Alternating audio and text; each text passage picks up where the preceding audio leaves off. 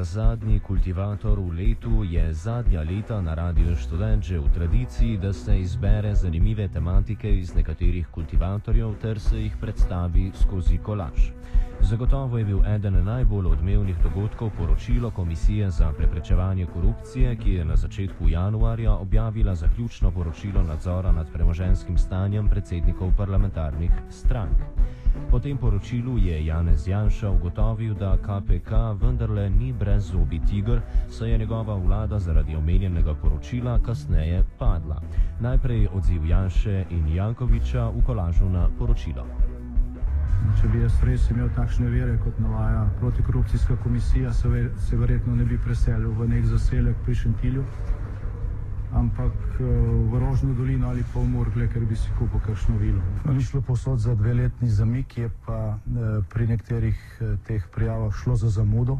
Mes se je zakonodaja spremenila, jaz sem to spregledal, zato je tudi prihajalo do teh zamud. In ne drži, da jaz kakšnega svojih, svojega kakšnega dela svojega premoženja nisem prijavil, ker tukaj ne gre za eh, tako pomembno kršitev. In najel sem kredit, ki ga protikorupcijska komisija tukaj enostavno pozabi. Zdaj, ta trditev je strte zvita, tega takrat res nisem prijavil, nisem povedal, da gre to za poroštvo, jaz sem samo kot solasnik pač dal soglasje pri kreditu. Mes je bilo tudi osebno poroštvo, ne, eh, ki sem ga jaz pregledal. Ne. Res pa je, da je bil to spregled, da to ni bilo prijavljeno protikorupcijski komisiji komisiji in te, ta ugotovitev je točna. To seveda ni res. Ne. Prav na vsako vprašanje, ki so mi ga poslali, sem jaz odgovoril in zadeve pojasnil. Res pa je, da komisija stoji na stališču, da jaz do leta 2004, ne, ko sem imel 25 let delovne dobe, nisem zaslužil nič. No, nobena od teh številk ne, ni nepojasnjena. So pa, so pa nekatere v tem poročilu uh, zmanipulirane. In uh, to je kompenzacija, ki se tukaj pojavlja pri nakupu avtomobila in še v dveh primerjih. Pač, ne vem, kako je prišlo do te napake, ko je komisija me na to opozorila, sem iz komisije poslal celotno dokumentacijo o nakupu avtomobila in mimo grede. Predsednik protikorupcijske komisije, ki je predvsem mlajši od mene, vozi boljši avtomobil od mene. Takšne stavke je gospod Praprotnik, ki je bil še novinar dnevnika, o meni napisal neštetokrat. Ne. E, ne pristajam pa na to, da se predtem nimam pravice bran, da je to nekaj dokončnega. Men očita sum tveganja korupcije. Jaz mislim, da je komisija potrebna in da bo ostala, vendar je treba tudi um, zakonsko dodelati, da imamo vsaj pravico, do, preden pride končno poročilo, da vidimo tisto mesto poročilo, kot je računsko sodišče in da damo vsaj nek ugovor. Premoženje je ostalo isto. Se pravi, da premoženje se ni spremenilo. Jaz sem ga prijavil. Ja, ampak premoženje se ni spremenilo. Takrat sem dobil nazaj kredit in zakupil delnice Krk in Luke Koper. Vmes sem Krko prodal ne, in je tam nastala zguba 40%. E, ker sem imel iz premoženja, ki sem ga imel v denarju, sem kupil delnice. Ampak premoženje ostane isto. Ampak vrednost premoženja ni zrasla. Položil sem v petih letih na svoj tekoči račun 29.500 evrov. Kaj je tu sporen? In oni meni sporočajo, da ne bo reševal v mediji, ne, pa se so oni začeli v medijih.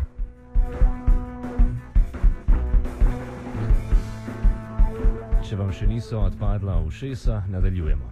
Pravnik Miro Cerar je za radio študent o poročilu KPK povedal sledeče še enkrat pa pravim, da seveda tudi če je ta procesni vidik nekoliko lahko pač diskutabilen, uh, ne smemo izpred oči izgubiti bistva poročila in tistega, kar nam tu v osnovi sporoča. To pa je pač jasno ugotovitev, da je prišlo do nekih relativno težkih kršitev zakona, tu ne gre za neke manjše spodosljaje se strani obeh visokih politikov in to je tista teža, ki je to poročilo nosi. Seveda, dogajanje v zvezi z njimi ima zato razumljivo tudi zelo velike politične uh, posledice lahko. Ob tem Cerar poudarja, da je relativiziranje poročila neprimerno, sploh pa strani dveh visokih funkcionarjev, ki bi po zakonu o integriteti morala biti za zgled. Kaj ti? Poročilo je pač uh, sprejel uh, pomemben državni organ ki je, kot rečeno, ga oblikoval zelo skrbno, natančno, odgovorno in to storil v skladu s svojimi pristojnostmi. Tu gre pravzaprav za spoštovanje pravne države in državnih institucij. In dopuščam pa seveda, kar se mi zdi normalno, pa javno razpravo o teh uh, zadevah, ki so se v poročilu pojavile. In seveda tudi dopuščam možnost, da bosta oba politična funkcionarja iskala uh, tudi uh, morda ustrezno pravno varstvo na sodišču. Kar pa se seveda zaenkrat do neke mere še do, do neke mere torej nejasno, kaj ti vemo, da je odločitev, torej poročilo komisije dokončna in se zastavlja vprašanje, ali je tu in v kakšnem okviru sploh možno in dopustno pravno varstvo. Eh, Cerar tako še meni, da bi poročilo nujno moralo sprožiti nekatere posledice. Torej, to poročilo zagotovo, kar kliče po ugotavljanju politične odgovornosti obeh visokih javnih funkcionarjev, torej politikov. No in seveda smo že tudi priča javni razpravi, pa tudi uh, diskusijam v strankah o tem, kakšna naj bi ta odgovornost bila, čeprav seveda osebno menim, da bi le morala oba sama v največji meri razumljivo prevzeti odločitev o tem, kako bosta tu se na to politično odzvala. Na začetku leta so se nadaljevale tudi vse slovenske ustaje, natančneje govorimo o tretji. Poročilo protikorupcijske komisije in odziv takratnega premijeja Jane Zajanše in župana Ljubljane in takratnega prvaka opozicije Zorana Jankoviča je dolilo še dodatno olje na ogen. Še prej pa je v poldan na kongresnem trgu potekal shod v podporo Janezu Janši. Tam pa smo posneli dva jezna patriota Janše poštena, iskrena in lepa prireditev za vse slovence, tudi za komuniste. Ne samo za navadne ljudi, tudi za komuniste je krasna prireditev. Škoda, ki ni bilo nobenega od komunistov, da so bili, ne, ne vem, no. V glavnem krasna. Bog da je zdravje, Janez Janši še na mnoga leta. Tito in partizanstvo so mi vzeli en tisoč evrov pokojnine. Če bi bila demokracija od 45 let naprej, bi imel tisoč pokojnine pokojnine več. Janez Janša mi je pa napravil, da imam 500 pokojnine več, kot jo bi imel, če bi, bil, če bi živeli še v Jugoslaviji. Samo toliko. Hvala lepa.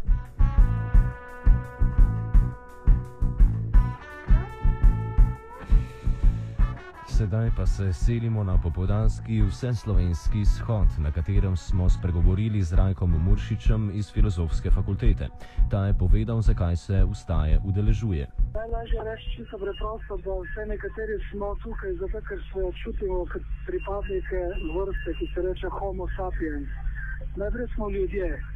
In to na nek način vključuje vse tisto, če rečemo človeško dostojanstvo, in pa jasno, da človekove pravice, svoboščine in druge stvari, ne da pa so povezane z državljanskimi pravicami ali ne.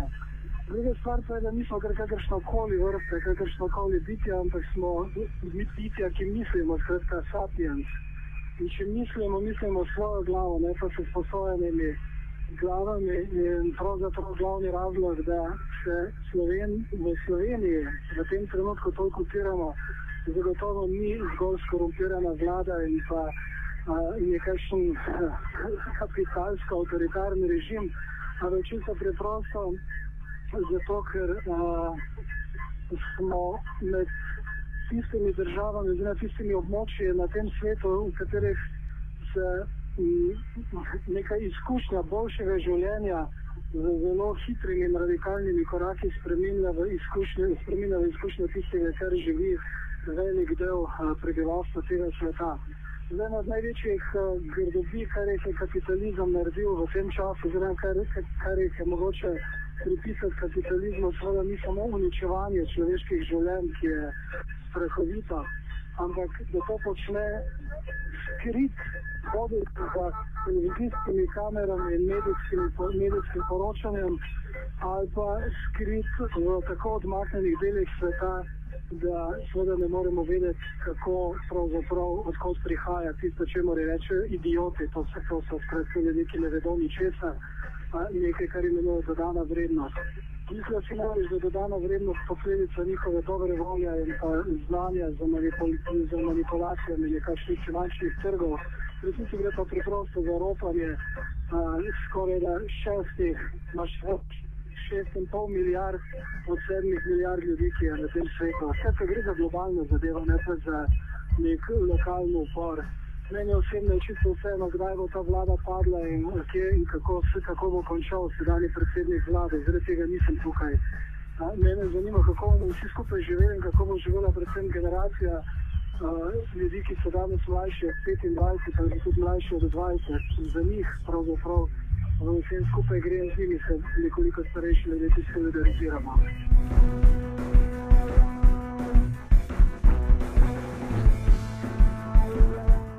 Alternativno sceno v Ljubljani je zaznamovala med drugim tako imenovana akcija v galeriji Alcatraz na Metelkovi. Spomnimo, skupina iz tovarne Rok je odtujila eksponate umetnice Marije Mojce Punkrčar iz galerije Alcatraz na Metelkovi. Lahko rečemo, da gre za dva pogleda na funkcijo in pomen razstave, ki sta popolnoma nasprotna. Andrej Kurnik je akcijo odtujitve zagovarjal, medtem ko jo je Borut Savski, sodelavec Rogleba, kjer so eksponati za razstavo tudi nastali, močno obsodil. Najprej Kurnik.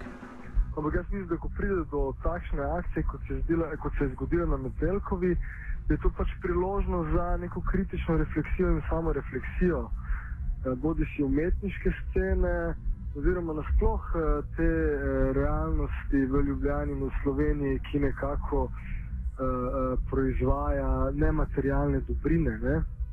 Skratka, bodi si, da gre za umetnike ali pa da gre za raziskovalce, raziskovalke, učitelje. Uh, tako da sama akcija za me, za katero sem sicer zvedel iz medijev, pa to zdaj ne pomeni, da, da ne vem, se kako že distanciram od nje.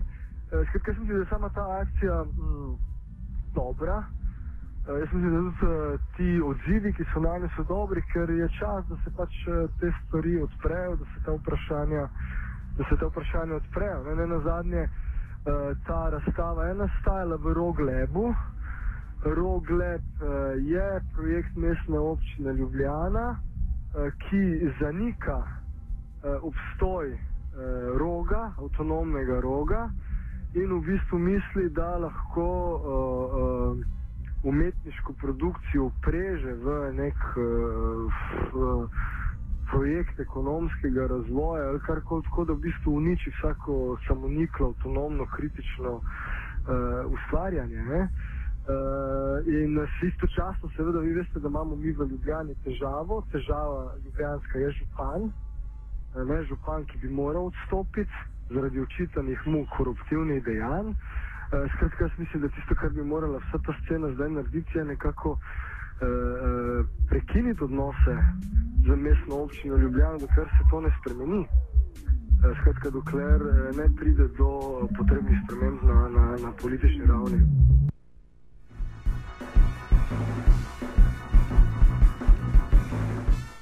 Savski se s kurnikom ni strinjal. Ja, bla, bla, bla, kurnikovcev. Ti moraš samo vedeti, uh, da vse, kar je vmes med mestno občino Ljubljana in njihovimi motivi, ne, govorim zdaj o motivih mestne občine, ampak kurnikovcev, uh, je pač, da se je spostavil um, odkrit upor uh, in strmoglavljenja Jankoviča. Ne. Mi tle smo samo neke stopničke um, v tem njihovem namenu. Uh, Rogleb ni nikakršen simbol, večen simbol oblastnika, ki se trudi prek neke umestne stopne izvesti tisto, kar se je itak zadal, da bo naredil. Ne. Sprav, Mol, mestna občina Ljubljana v tem primeru je totalno nekomunikativna, nekooperativna in jo, jih zavračamo že vrsto let. Ne, uh, Rogleb, ne, tako kot z ljudmi, ki ga vodijo, pravzaprav vzpostavlja eno civilno-družbeno uh, točko, kjer so se vsaj lahko s pomočjo ne, tega evropskega denarja, uh, ki so ga prijeli, uh, do mestnih oblastnikov uh, lahko obnašali tako v dvomih. Ne. Se pravi, dvomimo v vaše, ali mislite, da je to najboljši način reševanja, kaj pa sedanji uporabniki. Ne. Ampak uh, te diktati, gentrifikacije oziroma uh, kulturnih, kakršnih koli industrij, kreativnih industrij, to ni zraslo na tem ozemlju, ne. to so vse pač mednarodni pritiski diktati, ki se jim ta mehna Slovenija pač ne more upreti.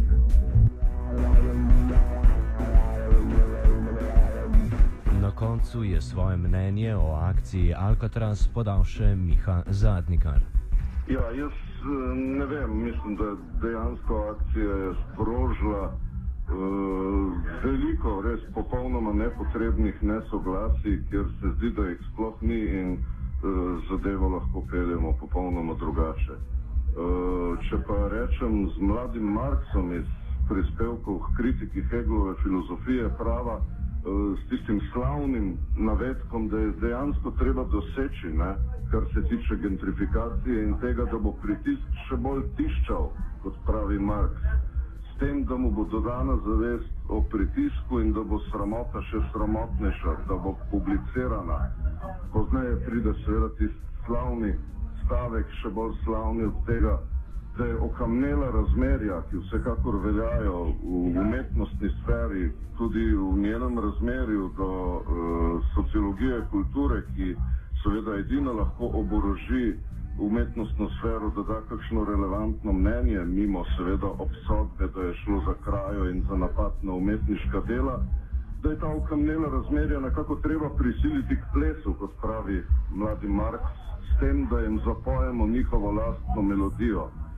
Ljudstvo je treba naučiti groze pred samim seboj, da bi ga opogumili. Tako da upam, da bo ta akcija skratka dobila neko srečno nadaljevanje da bo šla ven svoje spektakularne funkcije in da bo seveda tako rok, kot sam, da jo boste tako rok kot AKC, eh, AKC Metelkova znala izkoristiti v svoj prid in se zavarovati pred dejanskimi nevarnostmi in šla naprej, da boste šla naprej v boj.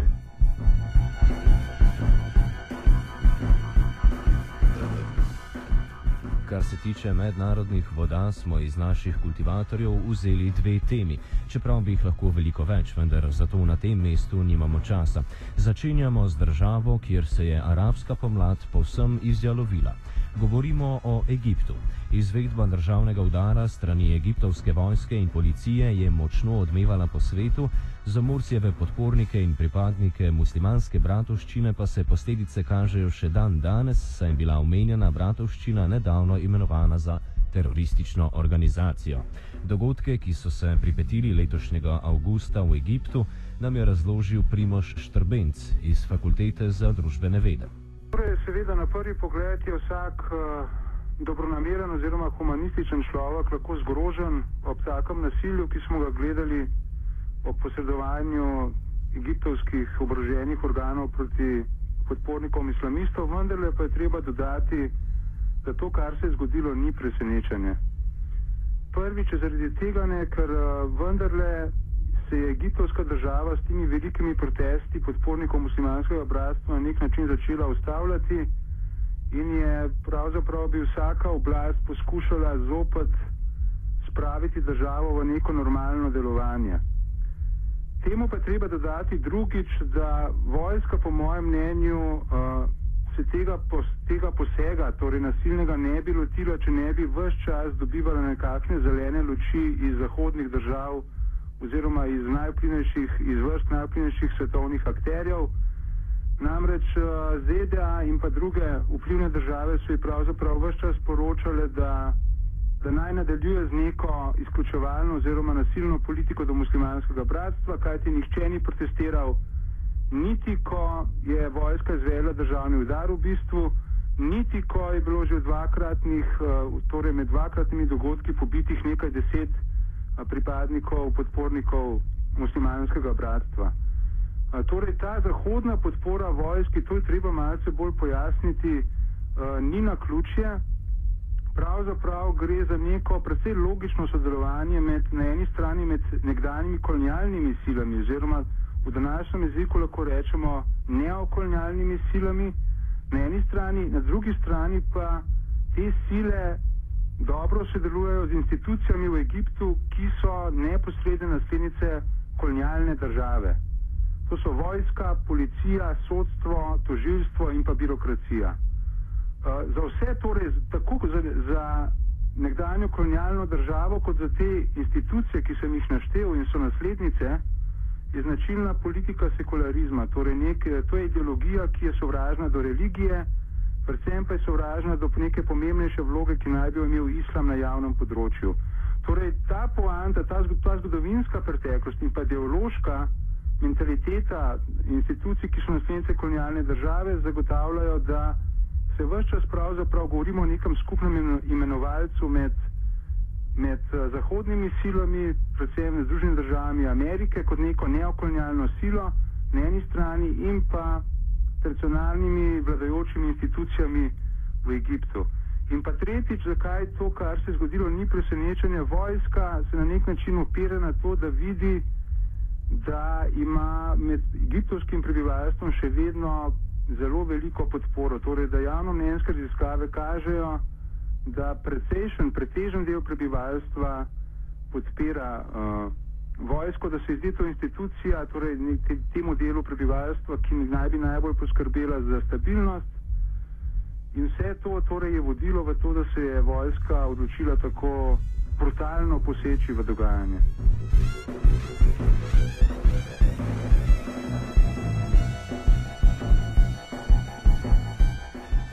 Ena od letošnjih mednarodnih zvez pa je zagotovo zvezd, pa je zagotovo Edward Snowden, ki je razkril, kako široka je mreža vohunjanja Ameriške narodne varnostne agencije. O tem smo v enem izmed kultivatorjev govorili z evropskim poslancom Ivom Vajglom. Ja, pogledajte, to je zbudilo v Evropskem parlamentu zelo veliko pozornosti. Rekl bi, da v parlamentu več kot v vladah. Ne? vlade so nekako pripravljene hitro se iti uh, business as usual, mi v parlamentu imamo resne pomisleke glede nekih čisto, če hočete, moralnih aspektov tega vprašanja. Ne? Ampak ne gre samo za moralne aspekte, gre za, gre za to, da se moramo iti neko igro uh, enakopravnosti. Ne? Ali celo ta pravo, pravo enakopravnost. Ne?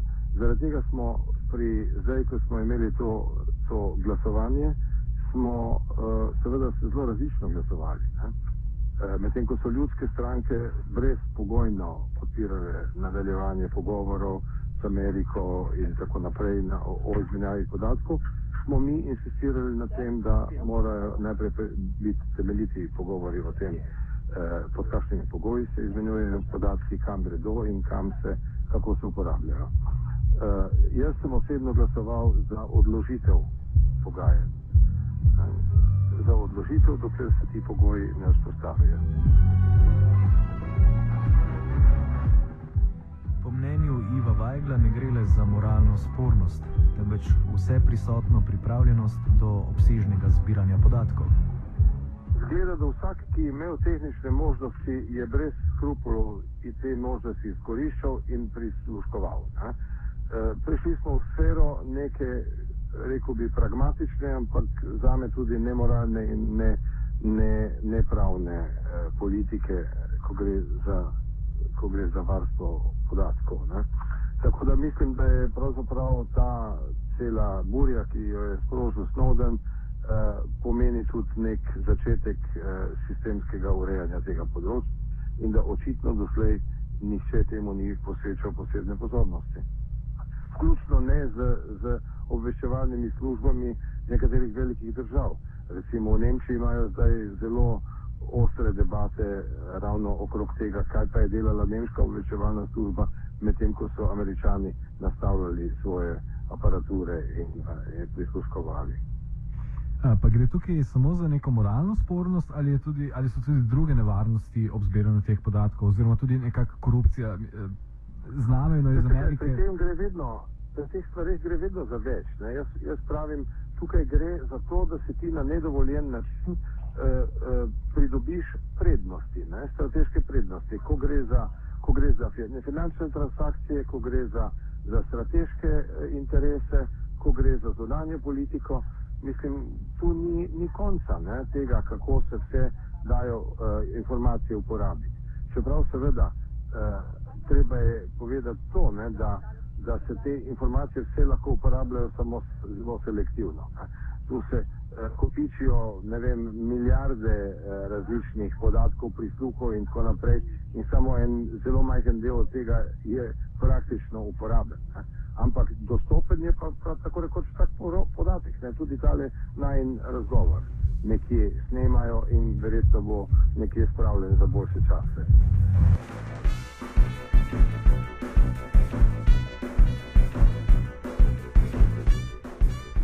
Svoje mnenje o odmevnem žvižgaču je podal tudi bivši vodja obveščevalne vojaške službe v Skopju Vladimir Pivovarov.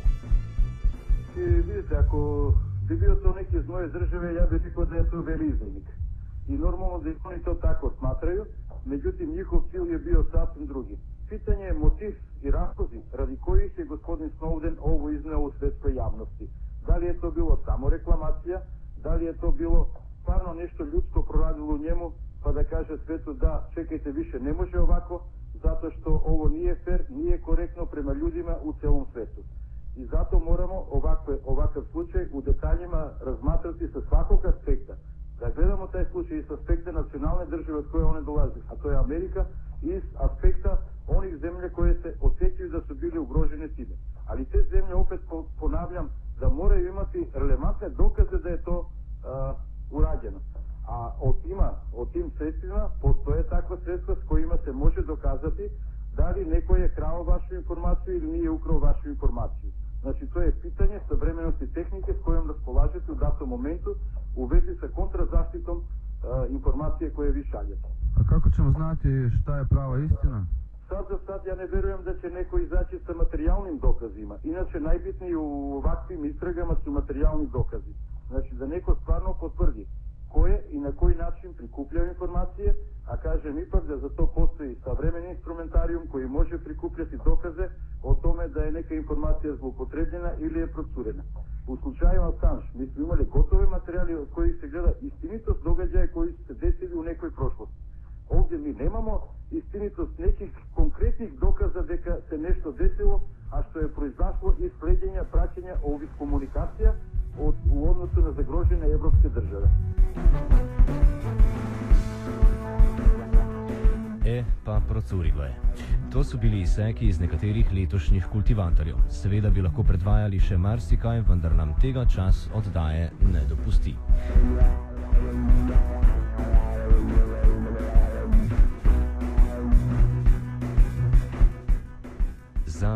Letošnji kultivator so pripravili Urh, Žiga in Anuša.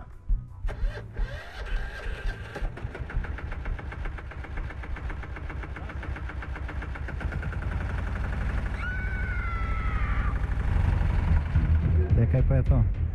Ja, kultivator. Gre za neko vrsto apatije. To lahko reče samo kreten, noben drug. Socialni invalid in ga je ne mogoče urejati. Drugi kandidat. Pa, pa pije, kadi, masturbira, vse kako hoče lahko počne. Nihče tega ne ve.